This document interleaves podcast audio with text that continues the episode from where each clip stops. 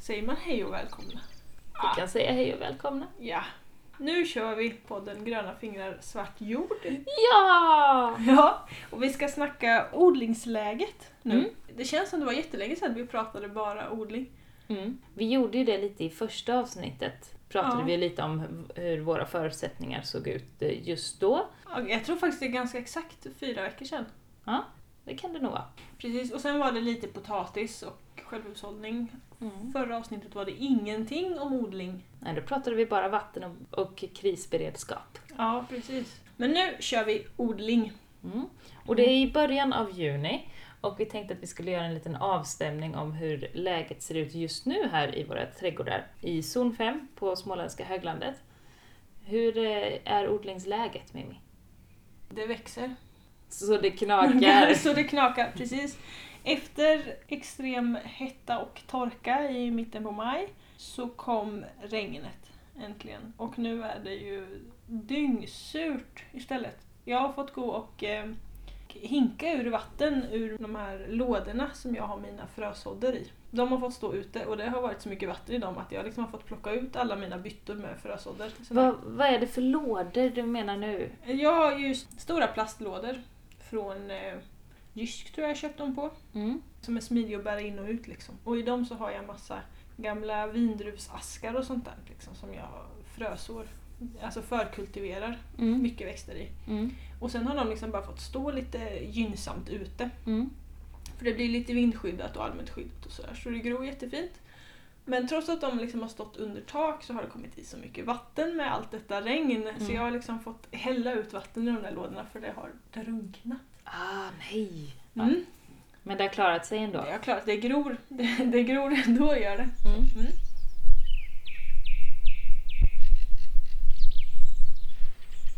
Så fort det är minsta solsken nu så ser man ju liksom hur allt bara liksom växer. Mm. Vi kan ju faktiskt se ut över din eh, trädgård lite grann om vi sträcker på oss lite. Mm. Och eh, vi tog en liten vandring i den precis nu innan vi spelade in och det är rabarber och massa persilja Mm. och vad har vi mer? Lite kål, Ja, en hel del kål. Och potatis. Potatisen, amandinpotatisen har satt knopp. Vilket är lite konstigt för jag har satt två stycken sorter som ska vara tidigare än den. Mm. Orla och eh, Timo. Men de har precis liksom börjat få blast och komma upp. Så amandinen är snabbast. Mm. På att ge, eh, få knopp i alla fall. Precis. Mm. Sen vet jag inte, jag har inte grävt liksom och kollat hur det ser ut under den. Och sen är det ju lite jordgubbar och löken börjar bli ganska hög. Du hade ju väldigt fin rosa jordgubbe. Eller den är ju inte rosa, men blommorna är ju rosa. Det blev jag så avundsjuk på. Mm. Eh, Så det, det ska bli spännande att följa, för det har inte jag sett innan, jordgubbar med Nej. rosa blommor. Precis, de är ganska så skarpt rosa. De är inte ljusrosa utan de är verkligen så intensivt rosa. Discorosa är det. Ja, Mm. precis. Eh, och hallonen växer så det bara knakar. Alltså den här regnet och blåsten har gjort att en del av dem har lagt sig ner till och med. Mm. Och eh, paprikan växer, chilin växer, tomaterna växer. Allt bara växer. Är det något som inte växer? Morötterna. Va? Vad händer där? Nej, morötterna är inget bra. De vill inte. Jag satte ju det i drivbänken och vi har typ skördat en som har varit okej storlek. För att de grodde jätteojämnt och inte alls bra. Vad tror du det beror på? Där tror jag det var torka i Just det. drivbänken. Dåligt med vatten där i början av eh, maj. Mm, precis. Mm. Alltså, de är ju sega morotsfröna så det är väl därför de inte har kommit upp än. Hoppas jag. Mm. Vi får se helt enkelt. Annars växer allt känns det som just nu. Inte sparrisen heller. Nej, inte sparrisen. Det som växer mest är kirskålen och gräset. Mm. Nässlorna. Ja. Och den där, vad det om det är en guldtörel jag har mitt i mitt odlingsland. Kan vara. ja, du har fått något sällskap i potatisåken som inte är potatis. Nej, precis. Det är vallört. Den växer ju och tar väldigt mycket plats. Och sen är det den guldtören. Mm. Som jag inte vet vad jag ska göra av riktigt. Mm. Mm, Men annars så känns det som om jag är ganska bra i fas. Jag har ju gjort det konstiga att jag satt ut alla varmvädersväxter först. Och sen betar jag och kall, de lite mer kalltåliga.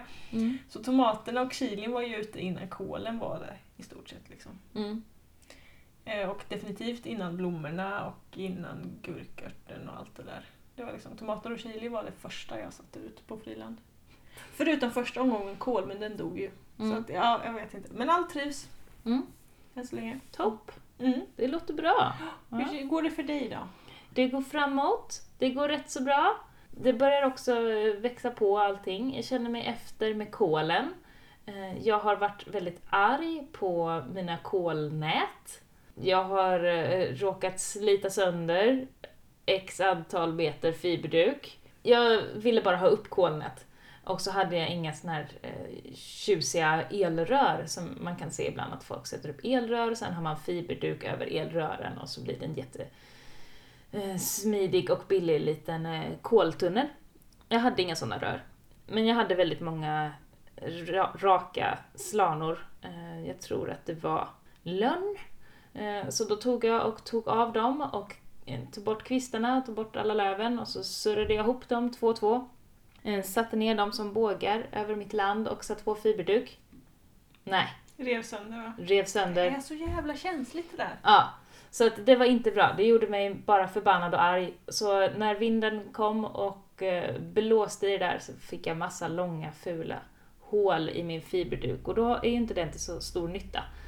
Eh, Så jag slet loss allting, åkte iväg till IKEA, köpte gardiner som heter Lill, som jag har hört på lite olika odlingsforum att det kan man använda som, eh, som ett nät, för det kan man också se igenom. Så det har jag införskaffat och införskaffat riktiga elrör. Och så ska jag sy kanaler i den här eh, gardinen och sy ihop dem.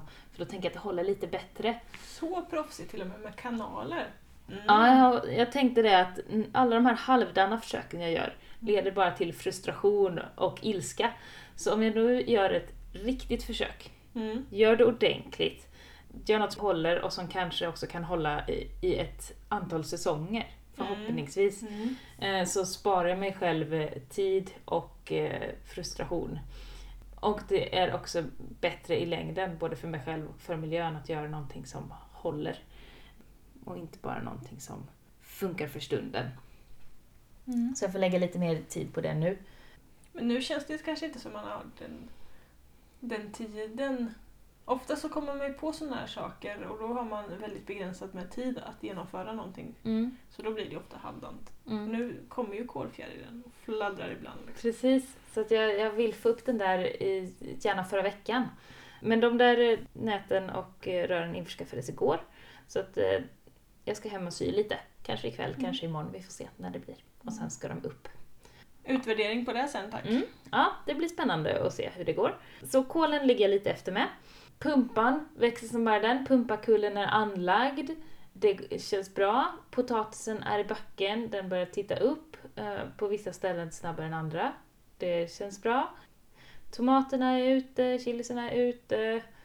Melonen är nere, gurkan är satt. Allting är liksom Mm. ute. Eh, Jag skördar sallad och kryddor och lökblast. Och gräslök och piplök och sånt till vår mat. Det går bra. Ja men det går bra. Visst är det lite så när man ska sammanfatta sin trädgård och sin odling så är det så här.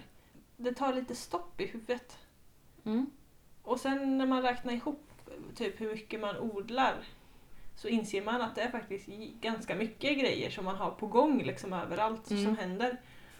Och Det särskilt alla de här små sakerna. Mm. Alltså, det är några grejer som man kanske har mer av. Typ potatis eller Mm. morot eller lök eller det som tar stor plats. Majs tar rätt mycket plats hemma hos mig. Mm. Men sen så kommer ju alla de här små grejerna som jag odlar ju bomull bara för att det är kul. Eller de här eh, konstiga saladsorterna eller de små kryddorna. Det tar ju liksom inte så stor plats i trädgården. Det är ju heller inte så mycket skötsel de kräver men när det är många sådana saker så utökar ju den här, det den här långa listan på saker man odlar. Jag räknade ihop alla mina sorter och jag kom fram till att det är ungefär det är 70, typ 67 eller 69 sorter eller något som Mm. jag odlar. Men då är det typ tre olika sorters spenat, tre olika sorters persilja. Är det räknat då som tre eller är det räknat som en? Det räknas som tre då. Ja, just det. Mm. Eh, och du vet jag ju odlar Jag är, mer. Ja, jag var väl uppe i någonstans med 120-130 något sånt om vi räknar på samma sätt. Så att varje sort blir... Jag odlar ju 13 sorters tomater. Så då får ju Precis. tomater 13. Och jag odlar Streck. fem Ja. Så att det, det blir det blir ju mer på det sättet då. Mm. Ja, Men det är det, jag säger, det, är- det man har så, alltså när man sammanställer allting så är det så himla mycket. Mm. Men när man pratar om det så här att ja, men tomaterna, där, det, det blir liksom så ihopklumpat och så förenklat och Mm. sen så... Och vissa saker klarar ju sig så väldigt bra själv. Mm. Sånt som man räknar med också. Alltså, rabarberna till exempel. Så gör jag inte så mycket med.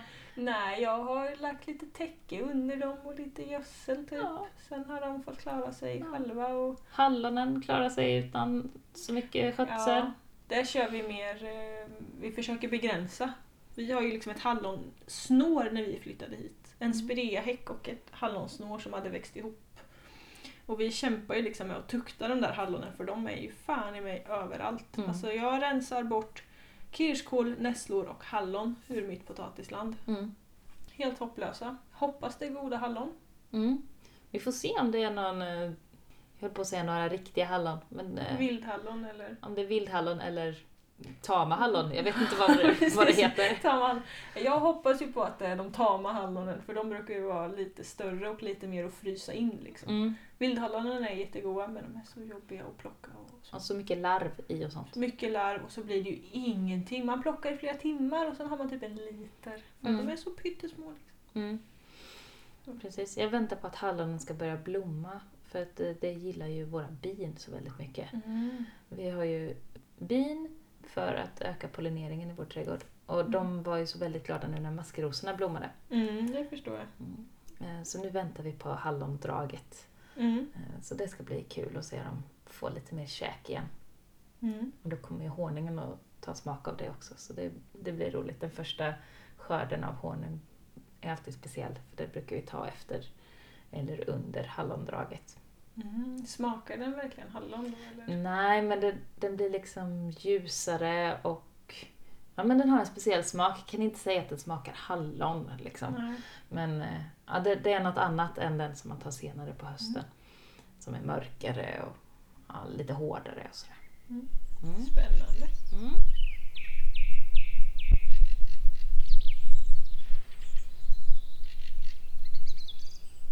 Är det någonting som inte funkar som det ska för dig? Alltså jag har ju varit väldigt orolig för den här sparrisen. Vi satte ju sparris samtidigt du och jag. Och jag tänkte, nej, kommer ingen sparris. Det här med sparris, meningslöst, dyrt, får inte skörda på flera, flera år. Jag äter ju knappt sparris, varför ska jag odla det? Och så har jag liksom gått runt och intalat mig själv att det här var väl ett dumt projekt. Och så var, mm, var du hemma hos mig i tisdags. Och jag sa nej, kommer ingen sparris. Och du typ, jo, det här är visst en sparris. Så du hittade ju första sparrisen.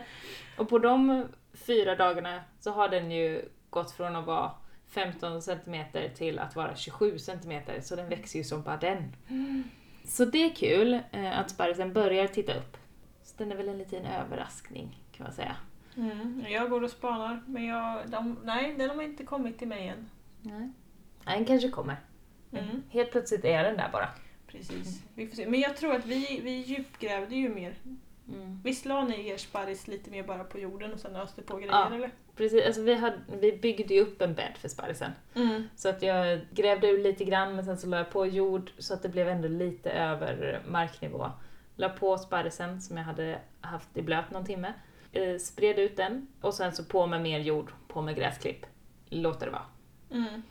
Vi grävde ju 40 centimeter djupt ungefär. Mm. Och sen i med mull och lite hästskit och alltså så här, halvförmultna löv och lite sånt vi hade bottnade vi med och Mm. sen lite jord på det och sen ner med sparrisen som också låg i blöt fast jag Alltså jag planerade ju så himla dumt för att jag grävde ju för sparrisen samma dag som vi satte upp nya hängrör och stuprör på Mm. huset. Och det var majs varmaste dag Mm. med typ 29 grader och stekande sol. Eh, så att jag liksom grävde ju och förberedde och sen jag dem i blöt och sen hände det en massa grejer och vi skulle bygga och barn skulle utfodras och det var lite kris här och sånt där som det är. Och sen, eh, så de där sparrisarna kom ju liksom i jorden på kvällen sen så jag tror de låg i blöt eh, ganska många timmar i slutändan. De låg säkert liksom sju timmar något i blöt. Fast inte mycket, de var inte dränkta men de Nej. låg liksom i, i ett par centimeter med vatten i en balja i skuggan. Mm. Så att ja, då tänkte jag ju att och nu är de här liksom genomsura så då behöver jag inte vattna så mycket. Så jag vattnade inte jättemycket när jag plantera dem. Ja, det gjorde inte jag heller. Och sen på med jord och sen på med gräsklipp. Mm. Ja, men vi får se. Mina är ju liksom åt söder och då är upphöjt så det kanske är varmare. Än vad Det det, kan är det för, vara. Ja, för om dina är liksom i marknivå mer så Ja. blir det ju kanske inte lika varmt lika fort. Nej precis, och vi har ju väldigt liksom mullfattig och ganska näringsfattig jord här tror jag. Mm. Det är väldigt mycket mossa och det är väldigt sandig, det är moränjord liksom. Så att jag kan ju vara så att det liksom är lite för dålig liksom. För gräsklippet ovanpå har ju liksom inte börjat brytas ner och ge någonting till sparrisarna. Mm. Och det vi la i botten har ju inte heller det liksom. Mm. Så, De ligger där i mitten av en gosig hamburgare för att få Jajamän. liksom så näring åt nästa år så bara...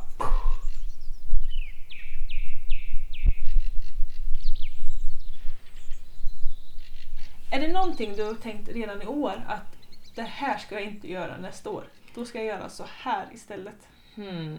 Det är det här med att vara ute i godare tid med vissa saker. Alltså, jag, jag är ju lite avundsjuk på din drivbänk som du har. Eh, så att jag vill ju ha upp drivbänk och ha mer saker i kallbänk tidigt på säsongen för att kunna skörda mer tidigt på säsongen. Eller när jag tänkte på det i april, maj, att men nu skulle jag ju ha kunnat haft massa sallad, spenat, rädisor, you name it, liksom. Eh, och, och inte ha det. Då blir man ju lite så sur, att varför satte jag inte det i februari? Det gäller att ha den här framförhållningen för det tar ju alltså, i snitt en månad ska man nog tänka. Mm. För det mesta förutom kanske lite sallad och spenat som kan gå på tre veckor. eller Något. Men omkring en månad från frön till äta. Mm.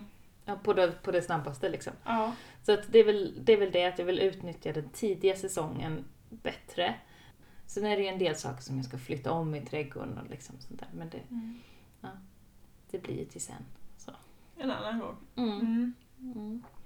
Är det något som du har tänkt på att det här ska jag inte göra om igen? Det här ska jag göra annorlunda till nästa år? Nej, alltså jag tvekar lite över att pallkragarna står på ett bra ställe. Det är ju så lite experiment där. Mm. Eh, annars så är det alltså en bättre plan, Mhm. känner jag. Jag har ju lyckats dubbelså vitkål. Vadå dubbelså vitkål? Ja, men jag, jag förkultiverar ju i stort sett allting. Mm. För att jag tycker det är så mycket smidigare att plantera ut plantor än att behöva liksom ha koll på jorden. Då är det bättre ut med en planta, på med gräsklipp runt, klart liksom. Så Mm. kan man ha de där så här bebisvarianterna liksom stående i mina plastlådor, skyddade och så. Mm. Mycket enklare att gulla med dem lite lagom då. Mm. Och jag, jag satte kål och, och sen fick jag för mig att det var inte vitkål utan det var broccoli eller något sånt där fick jag för mig. Jag var Mhm. helt säker på att jag hade sått liksom en till omgång broccoli. Så jag satte mer vitkål. Så helt plötsligt hade jag liksom istället för 12 planter vitkål så hade jag 24. Och jag har inte plats för fler än 12. Nej. så eh, så det, jag saknar lite sånt, där, en enklare och bättre plan. Så Mm. att jag har koll på vad jag har sått och hur mycket.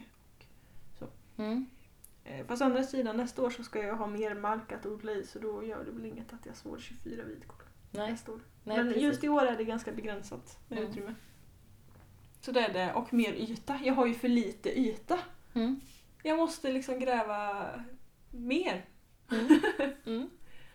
Så är det. Och sen, ah, jag ska gulla mer med morötterna. Ja. Det ska jag göra nästa år. Det måste jag komma ihåg att gulla mer med dem. Ja. att, eh, Jag, jag håller på att försöka gulla med mina morötter. Jag, jag blir lite arg på mina morötter. Jag har fått morötter som har gått i blom.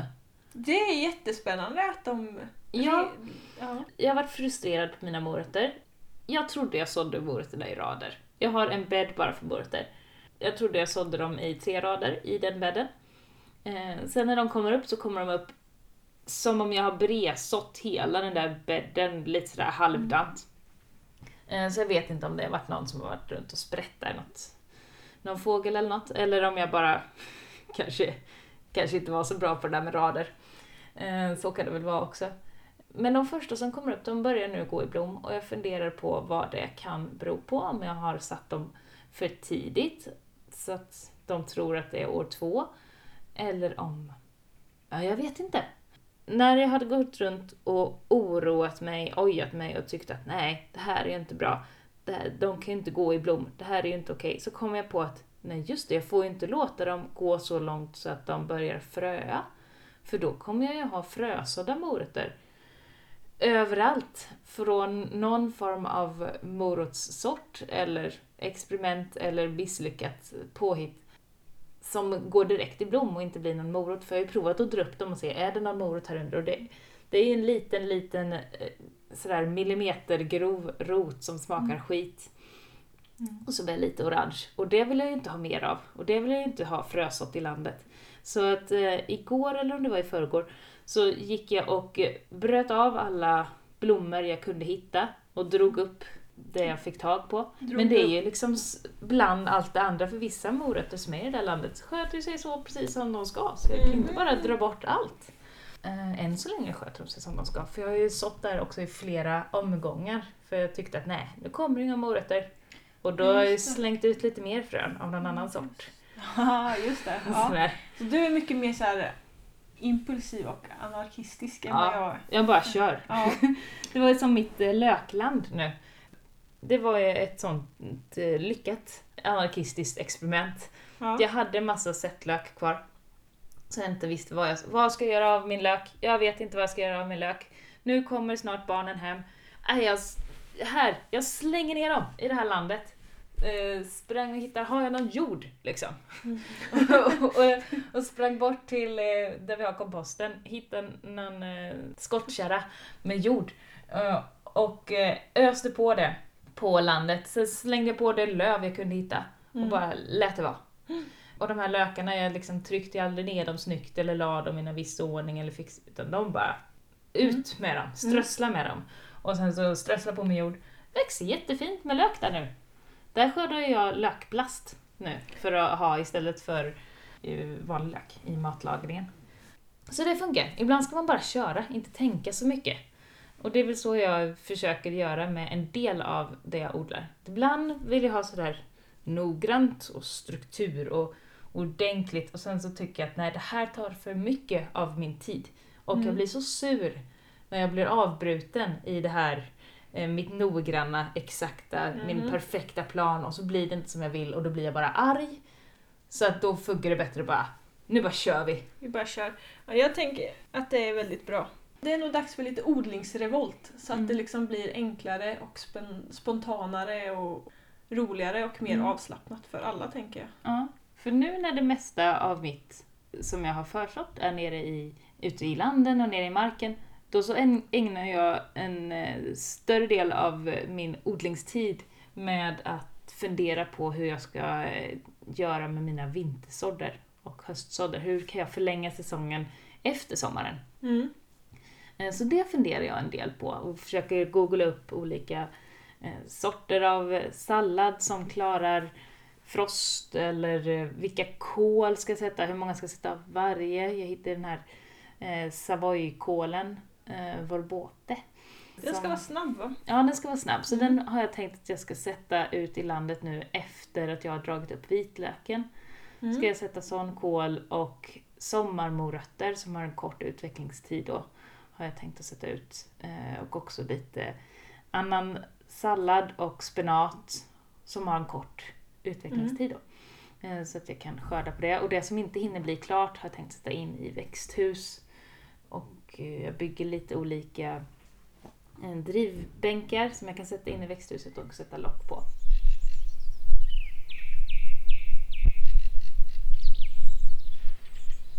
Ja, men då så håller jag på och eh, funderar lite på det. Hur kan jag spara de här sakerna som kanske inte hinner bli klara ute på friland? Eh, hur kan jag spara dem i växthus till exempel, i drivbänkar? Jag funderar på det här med varmbänk. Eh, hur ska jag göra med den? Även om det är rätt så lång tid kvar så kan det vara skönt att ha eh, tankarna klara innan dess. Och sen så vet jag ju av erfarenhet från hur jag fungerar att ja, men jag kan ha jättemånga jättebra planer. Men sen när jag väl står där med min varmbänk och bara nej, nu, bara, nu, nu bara kör vi. Ja, eller Kommer jag det bli ändå? vad i helvete skulle jag göra här? Alltså sådär, jag kan liksom ha en plan Mm. och bara värsta uttänkt och sen när jag väl står där så bara, men vad skulle, vad skulle jag ha det här till? Ja, Vad hade det. jag tänkt här? Då har jag liksom tappat den där liksom, tanken. Ja.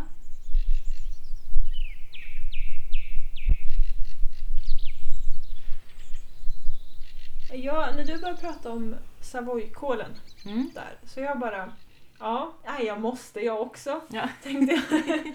Fast jag har köpt en annan sort Mhm. som jag inte har namnet på nu. Eh, som skulle vara den mest köldtåliga Oh. Savoykålen. Så jag tänkte det kan ju bli lite intressant. Eh, Ja, vi kanske kan byta några frön där. Kanske ja, kan det. precis. Mm. Eller lite plantor sen. Ja. Mm. För jag har ju också den planen att vartefter jag skördar sommarpotatisen sen Mm. så tänkte jag liksom luckra och gödsla upp och sätta ner kålen där i. Och jag har någon tanke om att första juli ska jag sätta kålfröna. Mhm. N- Någon tanke? Ja, jag har en tanke om att första juli, för det är så här, juli, augusti, september, ja men då borde de vara färdiga i oktober. Just det. Det kan vara gott. Jag tänkte göra likadant med blomkål också. Ja. och se. Frågan är hur bra de gror i, högsommarvärmen och sådär. Men eh, man kanske... Det finns ju en del som fuskar och typ ställer in dem i kylskåp. Eftersom de kan gro kallt, eller liksom vid 5-10 grader. ja. Så ställer man dem där det är som varmast i kylskåpet så kan man få dem att gro. Men tänker du sätta ut plantor då där Mm. potatisen har varit? Ja. Just det. För då kan du jag- ha det kallt. inne. Ja, Mm. precis. Så att jag tänker att jag, jag, som jag gjort med den andra kålen, att jag driver upp dem. Men då är det nästan Mm. läge att sätta dem nu då. Nej, jag ska sätta fröna första juli. Jaha, du ska sätta fröna första Jag juli? ska sätta fröna första juli. Ja, just det. För du skördar inte potatisen första juli. Nej, Nej, det blir nej. lite tidigt. Ja, Mm. jag tror kanske att amadinen kan gå. Den, ja. Mm. Nej, jag tänkte, det blir ett experiment i alla fall att sätta, sätta fröna så sent. Juni Mm. har jag ju hört till exempel att eh, kålrot ska ner i juni. Mhm. Om man vill höstlagra den eller så lagra den för vintern så ska den sås i juni. Ja. Men juli är ju lite senare så att, ja, ja. det blir ett experiment. Mm.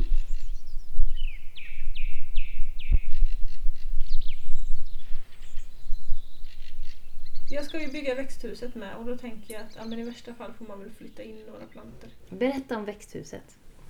Jag fyndade ett växthus på Blocket. Vad då för växthus? Vadå för? En växthustunnel. En sån här i plast liksom.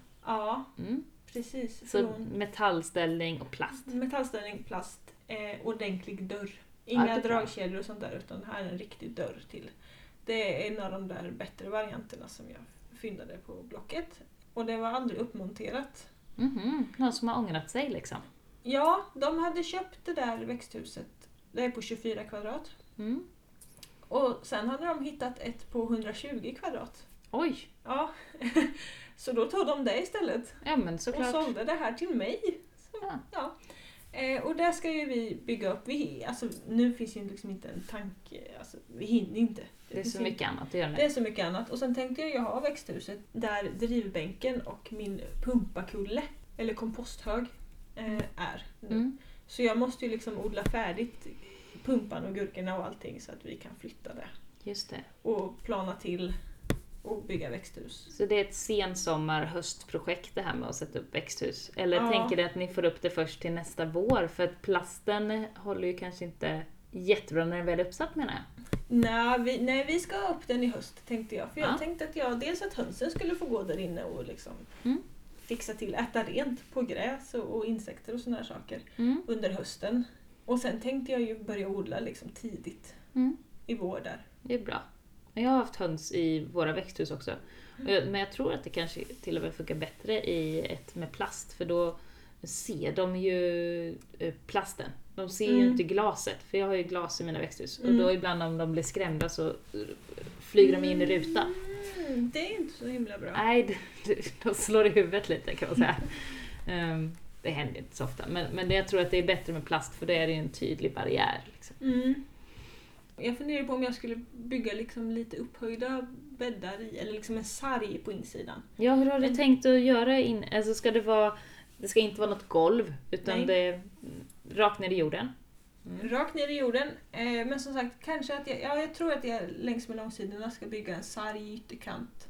För att kunna bygga upp upp- jord Ja, eller? bygga upp jord. Mm. Och för att hönsen inte ska vara på plasten och sådana saker. Ja, Väl, liksom. det kan nog vara bra. Ja, inte så hög utan kanske bara 30 cm eller något men ändå någonting liksom så man får en, en liten kant Mm. Ehm, Så det kanske blir typ två stora odlingslådor. Eh, och sen funderar vi lite på det här med att sätta hängrännor på växthuset också. Mhm. Och leda in stuprör in i växthuset och ha en vattentunna inne i växthuset. Just det. Det är bra. Eh, ja, det är ju ändå drygt 24, alltså det kanske är 30 kvadratmeter tak. Mm. Eh, och det fyller ju ändå lite vatten när det regnar. Liksom. Ja, och har man då en tunna liksom rakt in så är det väldigt smidigt. Ja. Dels att kunna vattna så och dels så, så en, en sån vattentunna lagrar liksom värme och jämnar ut klimat och fuktighet och sånt där i växthuset. med. Ja. Så det, det funderar vi på lite hur vi skulle göra. Ja, det, vi har också haft vattentunnor i våra växthus tidigare Mm. år. Men vi har inte haft det nu de senaste åren för att vi ville odla mer på den ytan som Ja tunnorna men det tar ju istället. lite plats. Ja.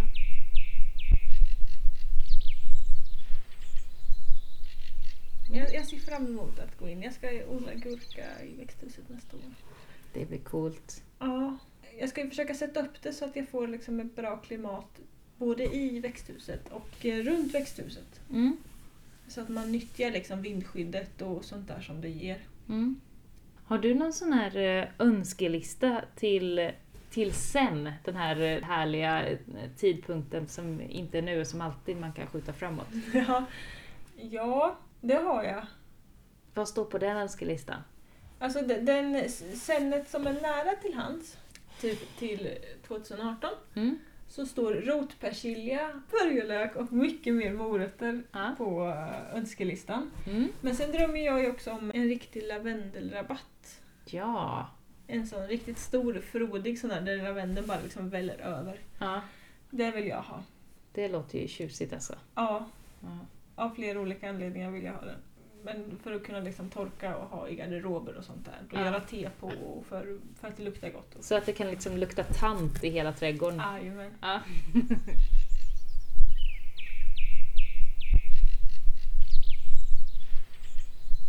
Vad har du för önskan sen? Ehm. Förutom ert gigantiska växthus.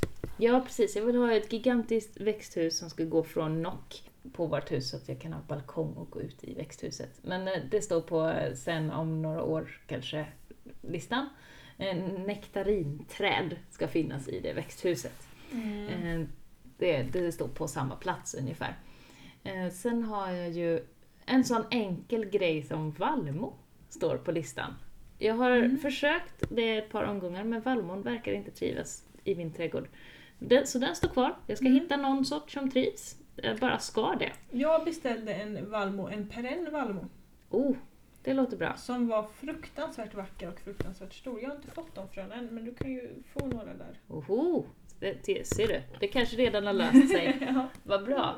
Så den står på listan. Kinesisk långgurka står på listan till Är det den där som blir typ en meter eller? Ja men typ.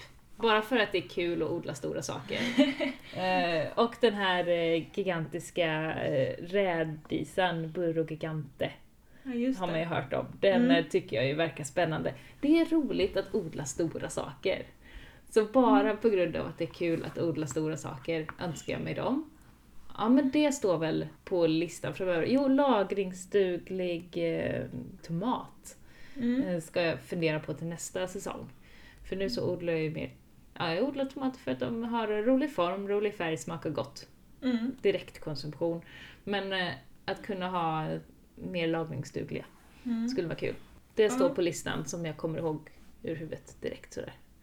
Mm. Jag odlar ju en tomat som ska vara någorlunda lagringsduglig.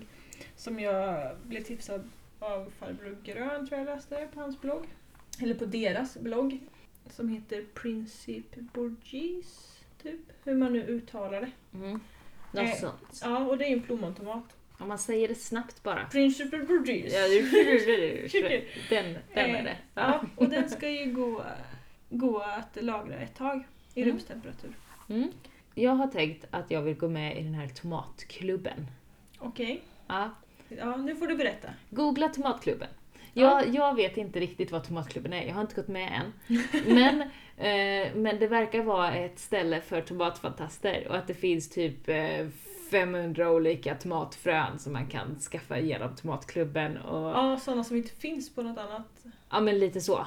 nördarna jag, för jag tomat. googlar Tomatklubben. Ja, jag har inte gått med än så att jag vet inte riktigt. Men det står eh, också på önskelistan att gå med i tomatklubben. Men jag tänkte att ah, jag har ju redan sått alla tomatfrön som jag har tänkt odla för i år. Så att eh, jag skjuter på det lite till hösten eller till vintern eller ja, till nästa säsong ska jag gå med i tomatklubben, tror jag. För att kunna ta del av den här eh, outforskade tomatdjungeln som verkar finnas. Tomatklubben sedan 98. Åke. Ja men det är han, Åke! Åkes fantastiska tomatklubb.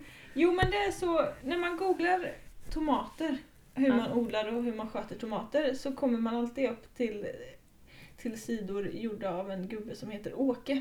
Som Jaha, verkar vara helt fenomenal på det här med tomater. är han tomatgurun? Han är nog Sveriges tomatguru nummer ett. Det Mhm. tror jag alla gånger alltså.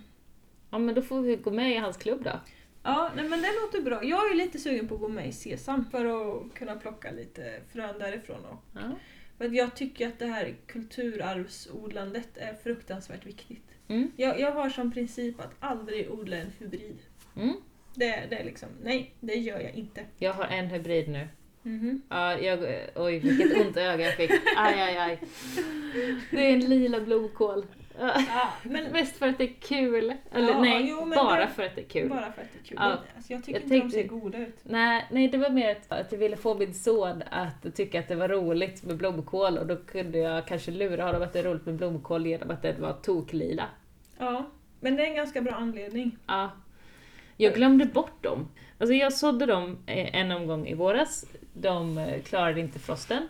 Sen tänkte jag, ja ja, det blev ingen lila blomkål. Sen så hittade jag fröna igen när jag var i en eh, butik där de sålde frö, så tänkte jag, men jag provar igen. Satte dem, glömde bort dem bland, Bland alla andra 140 grejer. ja men lite så. Och så tänkte jag, nej, nej men de grodde väl aldrig för att när saker inte gror på några veckor i mitt odlingsskåp så, ja, då så tar Mm. jag bort den lilla pinnen, slänger bort jorden och så sätter jag dit något annat. Och jag tänkte att det var väl en sån sak som hade gått den vägen då. Eh, Och sen när jag skulle sätta ut alla de här eh, sommarblommorna och plantera om dem och fixa, så såg jag att där stod ju den. Mm. Den var där, bland blommorna hade den gömt sig. Mm. Så nu har jag några små, små plantor av eh, lila blomkål som ännu inte har kommit ut i landet än. Men jag tänker att de kolplantorna som inte klarar sig den här första tiden, de Mm. byter jag ut mot den lila blomkålen. Det är alltid bra att ha plantor på gång så man kan byta ut och plocka. Ja, Faktiskt. så de, är- de är på väg ut. Mm. Mm. Ja, men du har ändå en ganska bra anledning. Men ibland kan jag uppleva att folk odlar hybrider för att de är enklare eller Mm. Snabbare, Ger Eller högre bara avkastning och så. bekvämare och liksom mindre, har mindre personlighet. Mm. Jag tycker det är jättesynd för att du kan ju aldrig ta egna frön på en hybrid. Liksom, Nej, jag-. Alltså det är nog därför jag försöker att eh, inte odla så mycket hybrider. Just av snålhet. Ja. jag, jag vill kunna ta mina egna frön. Sen gör ju inte jag det på, på allt, långt ifrån allt. Men om jag skulle få för mig att ta blomkålsfrön i det här fallet då, då funkar ju inte det på, på just den sorten.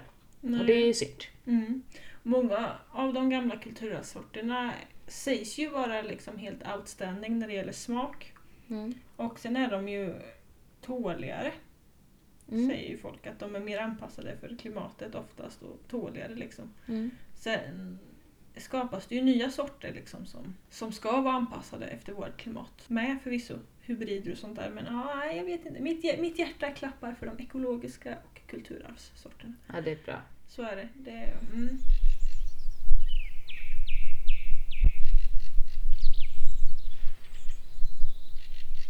Men sen fick ju vi lära oss på kursen, på odlingskursen du och jag läste. Ja, ska vi säga någonting om odlingskursen vi läste? Vi har gått en odlingskurs då, jag tror Mm. inte vi har nämnt det så mycket för våra lyssnare. Vi måste nästan göra lite smygreklam för den. Mm. Att det är på Sommenbygdens folkhögskola i Tranås, Mm. så har de en distanskurs som heter grönsaksodling för självförsörjning. Nej, för självhushåll. Grönsaksodling för självhushåll. Mm. Mm, grönsaksodling för självhushåll. Och den är på en termin. Och går på antingen höst eller vår. Mm. På halvfart eller 25 procent eller något sånt där. Ja, det, Det är inte heltid i alla fall. Nej, det är en väldigt bra kurs om man, som jag som jobbar heltid vid sidan om, eh, så hinner man ändå med den liksom. Du måste inte ta tjänstledigt eller göra liksom uppehåll eller Mm. Du kan lägga till den i din vardag bara, Mm. utan att behöva göra avkall på så mycket annat. Mm. Det är två helgträffar, en i början av terminen och en i slutet av terminen och sen så Mm. har man uppgifter däremellan. Eh, Så den har vi gått, det var ju där vi Mm. träffades. Så.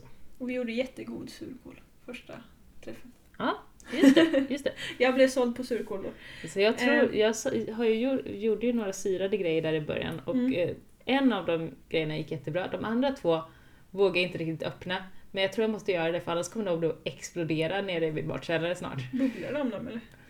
Ah, men jag, jag tycker det ser lite mystiskt ut. Det är något Okej. vitt lager där uppe på som jag kanske inte riktigt... Eh, Vill ha där. nej, känns Nej. inte så sm- Nej. Ja. Skitsamma. Mm. Eh, men i alla fall, i den där odlingskursen, det här var helt nytt för mig. Men om man tar egna frön av någonting, nu kan vi ta baljväxter för det är enklast, Mm. så har ju jag satt eh, sockerärt, eh, Norli, tror jag den Mm. heter. Och om jag då odlar den fem år i rad typ och så tar jag egna frön varje gång, så det femte året så kommer den här Norlin ha förändrats till min sort, eller min variant av den sorten, så att den Just det. har liksom blivit anpassad efter min jord och mitt klimat Mm. här. Mm. Så att man kan enkelt liksom skapa sina egna liksom, unika eh, sorter Mm. just för sin plats. Ja. Eh, och det tar liksom ett par odlingssäsonger bara så är det klart sen. Det var helt så här mind-blown för mig nästan. Jag bara, varför köpa nya frön eller varför köpa frön Mm. och få samma sådär halvbra sort? Mm. När man kan odla och ta egna frön och Mm. få en supersort. Det är jättebra. Mm. Ja. Det är så jag gör med tomaterna. Jag tar ju egna frön på tomater. Det är också busenkelt att göra. Mm. Eh, Och det har jag gjort i några år. Och när det har gått några år, då glömmer jag ju bort vilken sort det var från början. Eh, Så då ger jag dem ett eget namn. Så Mm. när de har fått ett eget namn, då tänker jag att nu är det min sort.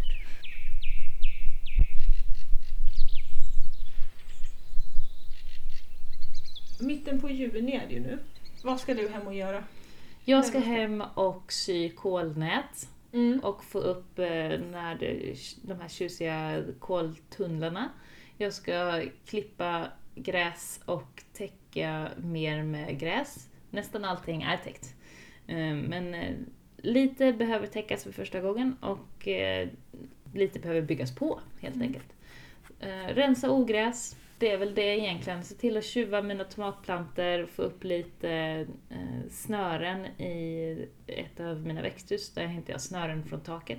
För jag låter ju mina både tomater och gurkor klättra upp längs snören upp i taket. Mm. Ja men så liksom sköta om det som, det som lever. Och planera lite inför hösten, bygga lite mer eh, pallkrage. ja, precis. Det råkade ju bli två nya land i förrgår. Mm. Mina barn ville ha ett potatisland. Klart grabben ska ha ett potatisland, tänkte jag. Eh, Så att det slängde vi upp en pallkrage, drog i den potatisen som inte hade fått plats någonstans. Så då fick han och hans syster ett eh, potatisland och så hade vi en pallkrage till då. Så då Mm. satte vi den bredvid och spred ut lite morot. Förhoppningsvis i rader. Det här med Mm. rader alltså. Men ja, lättare att täcka om det är i rad. Det är väl det jag ska hem och göra nu. Är allt som ska ut ute liksom? Ja, det har lite, har lite blommor kvar, lite kryddor kvar. Det är ingen liksom, nya kryddor utan det är bara mer av det jag redan har ute. Mm. Som jag sått senare som ska ut. Och sen så är det ja, lite kål då, som inte har fått plats än. Mm. Jag satte för många frön. Och då tog jag de som var kraftigast och satte ut. Och sen så de små eh, är ju fortfarande kvar och de har inte slängt utan de har ju kvar ifall att någon skulle dö ute på friland. Mm. Så det är om något av det ska ut. Jag har några hål i kollandet med några kolplantor som inte har klarat sig. Så där hamnar väl i första hand den där lila blomkålen och i andra hand någon mer vitkål eller något sånt Mm. där. Ja, jag ska sätta ut min vintersquash och pumpa. De plantorna som jag fick av dig ska få komma till sin plats där de ska vara. Mm. Eh, och det ska jag nog göra nu så fortast möjligt tror jag, för nu regnar det lite ute. Så då tänker jag att det är perfekt att Mm. passa på att så lite eller sätta lite då. Mm. Eh, och sen så tänkte jag plantera ut min basilika Ja. i tomaterna. Och sen, vi får väl se vart, om, om vi hinner iväg att handla material till hönsskydd. ja, För att nu har vi höns som är fan överallt. Så vi behöver köpa staketstopp bland annat. Mm. Lite sånt. Mm. Ja, det är en sån bra grej som är... eh, Det lönar ju sig att hålla hönsen ute. Ja, alltså jag tänker så här. Egentligen gör det inget att de går i potatislandet och käkar myror. Nej. potatisarna tror jag inte att de kommer skada. Och det är så mycket täcke där liksom att där är det nog ganska lugnt. Men jag vill ju inte ha dem liksom krafsande överallt. Nej. Så det, är- det är prio för oss är hönsskydd, pumpa och basilika. För nu ska det vara över 12 grader. Bra. Så det är gurkorna med kanske jag ska pilla ut de sista. Mm. Har du gurka på friland eller i drivbänk? Eller? I, I drivbänken. Jag kunde ju inte hålla mig till bara en sort Nej. såklart. Så nu har jag två sorters slanggurka och en salladsgurka, Arboga vit, som vi ska göra saltgurka. Oh. Barnet älskar ju saltgurka. Det är typ glass, saltgurka och pasta. Mhm. Det är hennes kostcirkel om hon får bestämma. Mm. Jag har eh, Arboga vit på gång som ska ut också. Coolt. Mhm, En Ja. gurkbänk. Det låter så mäktigt. En gurkbänk. Mm. Mäktigt, eh, nördigt. Jag vet inte. Men det, ja, ja, det, det är bra. Ja, det är som den där drömmen jag hade. Din dröm. Min Berätta dröm, jag måste nästan berätta om min dröm. Det här är inte den första sån här dröm jag har. Men det, det är mycket såna här drömmar nu. Jag drömde i förrgår natt. Jag var vaken en timme gott och väl, mitt, mellan typ två och tre mitt i natten verkligen. Mm. För jag drömde att min brorson var här och så lekte de och sen hade de sett mig plocka upp rädisor och då skulle han gå och plocka upp rädisor. Bara det att han drog upp min finaste brysselkålsplanta istället. Nej. Och sen så blev han ju såhär, nej men det var ju ingen rädisa. Och så hade han bara slängt den där bredvid. Och jag låg där i sängen mitt i natten och bara, händer det här eller händer det inte? Har jag en brysselkålsplanta som ligger och dör där ute nu? Ska jag gå upp och kolla? Kommer den överleva om jag planterar ner den igen? Alltså det var sån, du vet, det var känslan i hela kroppen var helt hemsk. Så att såna, såna drömmar har jag nu och det är väl också ganska nördigt. Ja. När man ligger och ågren över att en planta kanske dör. ja. Och mitt, mitt huvud bara jobbar så här att bara, "Ah, men jag vet ju att brorsonen äter ju inte rädisor. Varför skulle han gå och dra upp rädisor för? Och varför skulle han göra det klockan två på natten? Ja men Ja. precis! För att jag bara, men hade han gjort det på dagen så borde jag ju liksom ha fixat det då. Ja. Jag har inget minne av att han har gjort det på dagen. Men hela, hela liksom jag skrek ändå att det hade hänt. Mm. Men nej, jag var inte ute och tittade. det, men det var väldigt nära ska jag säga. Det var Mm. jävligt nära. Mm. Nördiga drömmar. Mm. Vi Så. avslutar det här avsnittet med, med Mimis nördiga dröm och så får det bli ett på återhörande i nästa poddavsnitt av Gröna fingrar svart jord.